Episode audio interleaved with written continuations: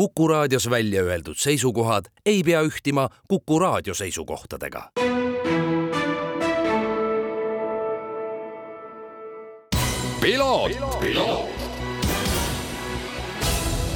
tervist, head Kuku raadio kuulajad, eetris on järjekordne saade Piloot ja stuudios saatejuht Margus Kiiver aasta alguses, nagu oleme ka selle aasta esimestes saadetes rääkinud, on põhiline tähelepanu loomulikult hetkel Saudi Araabias toimuval maratonrallil Dakar ja seal on startinud ka kolm eestlast, kõigepealt siis autoga Urvo Männamaa ja Risto Lepik ning samuti autoga, aga kaardilugeja koha peal Benedictus Vanakase kõrval Kuldar Sikk. ja nagu ka varasemates saadetes, vaatame loomulikult tagasi nendele sündmustele, mis siin siis juhtunud vahepeal on ja värskemad intervjuud ning paraku peame kahetsusega ütlema, et kahe mehe jaoks lõppes tänavune Dakar sedapuhku lõplikult ja üsna tuliselt õnneks, aga nii, nii, et keegi selles sündmuses viga ei saanud, mis juhtus sellest juba mõne hetke pärast. alustuseks aga läheme tagasi pühapäevasesse päeva, kui Urvo Männamaa ja Risto Lepik tegid järjekordse päeva. tuletame meelde, et üldarvestuse tulemusele nad enam ei sõida, kuivõrd äh, ralli algfaasis tehniliste probleemide tõttu pidid nad kaks katset vahele jätma ning otsustasid siiski naasta, kui olid saanud Lõuna-Aafrika Vabariigist oma Century Racing CR7 võistlusautole uued jupid külge. ja see tähendaski siis seda, et sealt edasi sõideti testimise ja õppimise režiimis ja lihtne pole see olnud ning kuulame nüüd äh, Urvo Männamaa kommentaare peale pühapäevast äh, katset, mis oli siis Dakaris, Dakaril järjekorras seitsmes oh,. kus ma siis alustan jälle, et äh, pärast puhkepäeva oli sihuke kirje täis entusiasmi ja hommikul ärkasime, mõtlesime, et no nii uus nädal, uued võimalused, aga, aga kohe hommikul hakkasid mingid asjad jälle juhtuma ja jäime, jäime katsele starti hiljaks, mis nagu päeva lõpuks ei olnudki kõige hullem asi, aga palju hullem asi oli see, et me unustasime, või tähendab, mitte ei unustanud, me teadlikult võtsime riski ja ei hakanud aega raiskama enam, et seal enne starti oli üks tankla, kus sai kütust peale panna. et kuna väga-väga pikk katse oli täna, siis oli oht, et kütusega tuleb probleem ja no nagu ikka tuligi probleem, et äh, ma kuskil niisugune kahesajandal kilomeetril sain aru, et, äh, et kui me niimoodi jätkame, siis meil on niisugune viiskümmend kuni sada kilti enne lõppu saab meil kütus otsa, siis, siis võtsime hoo väga maha ja hakkasime sellist taksojuhti sõitma, et rahulikult üle saja kolme, neljakümne väga sirge peal ei tahtnud vajutada, et lihtsalt kulgesime läbi ära lisaks sellele oli meil stardipositsioon nii meeldiv, et tänu sellele, et me hiljaks jäime, et me saime jälle startida supertolmus, et kui tavaliselt on nagu niisugune kerge tolm, siis see oli niisugune supertolm, et äh, kakskümmend kilomeetrit mingis äh, koti sees sõitmist, siis mul õnnestus äh, sõita puusse või põõsasse niimoodi, et auto kiirus oli umbes, ma arvan, kaks kilomeetrit tunnis, põhimõtteliselt seisime tee peal ja siis äh, imbus mu vaatevälja üks põõsakene. siis mõtlesin, et ah, et see on nii väike, et ma sõidan sellest üle,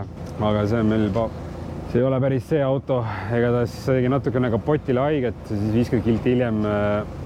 tahtis ta meil eest ära lennata ja siis me võtsime ta küljest ära ja siis äh, sõitsime rehvi katki suht lõpupoole veel. Ristol oli seal äh, vahesegadus vahepeal, et äh, kuna me sõitsime seal teiste autode tolmust, siis eksisime ära ühe teeotsaga ja jah, nii-öelda igatahes üks häda jälitas teist kokkuvõttes, aga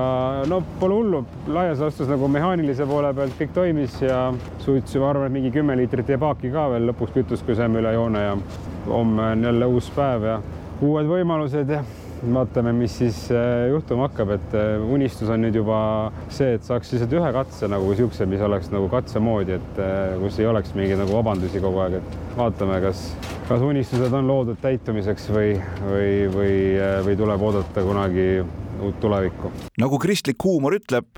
sina teed plaane, aga jumal naerab selle üle ning kõik see, millest Urvo oma katsejärgses kommentaaris rääkis, äh, kindlasti ei õnnestunud ja tegelikult läksid asjad kahjuks veel hullemaks ja veel tulisemaks ning äh, kuulame nüüd Urvo Männamaa intervjuud või kommentaari enne kaheksanda katse ehk siis enne eilse katse algust. eile õhtul olin täis entusiasmi, et äh, lendame peale, et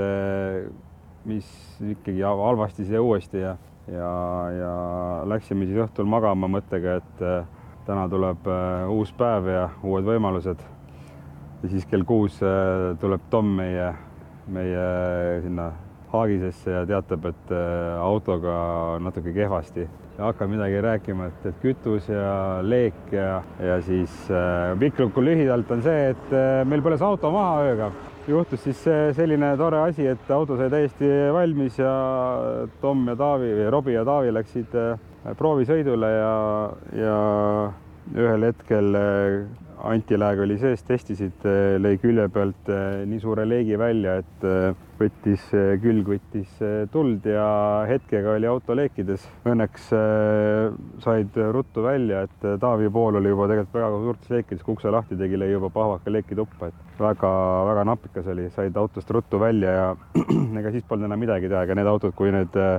kui see süsinik selle leegi külge võtab, siis ta põhimõtteliselt läheb, et siin ei ole midagi kustutada enam. Nii et äh, praegu vist ei sõida sellega kuhugi. Äh, seekord ikkagi jääb lõpuks see Dakar pooleli, et äh, enam siit enam seda, siit tuhast ei tõuse niipea. vot, et siis loodame nüüd, et saame koju puhkama ja Brian vist ikkagi jätkab ja, ja poisid jätkavad tema hooldamist, et aga meie meie lähme nüüd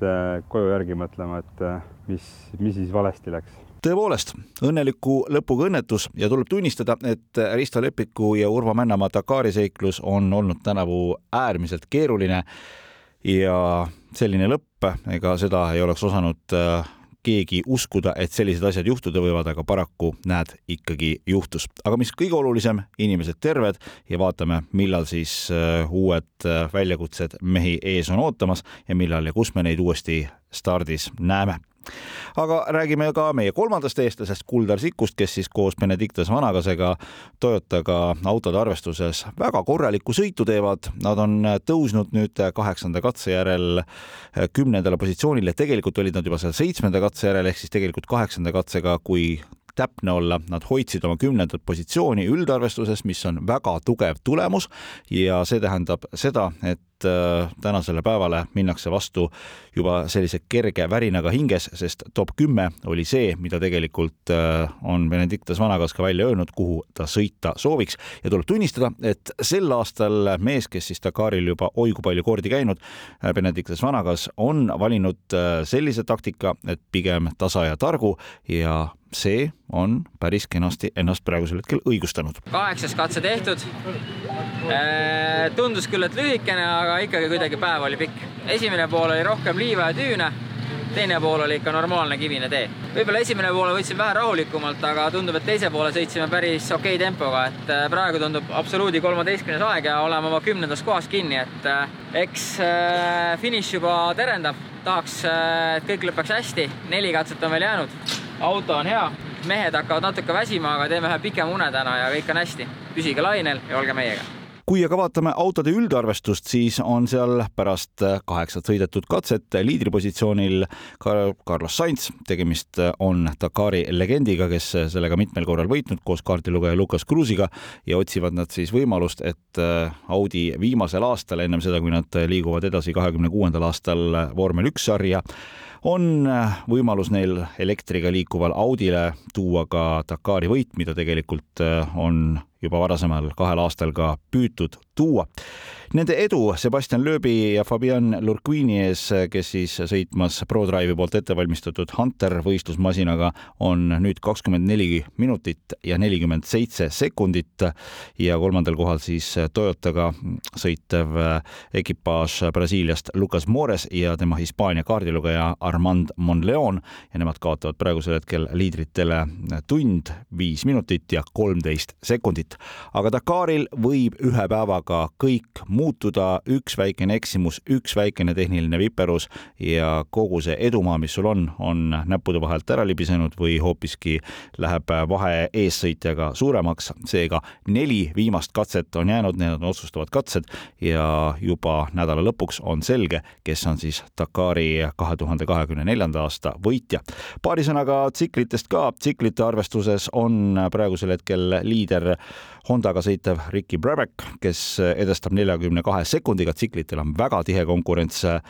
Ross Branchi, kes Hero Motorsport tsikliga kihutab ja neist vaid nelja minuti kaugusel on Jose Ignacio Corneo Florimo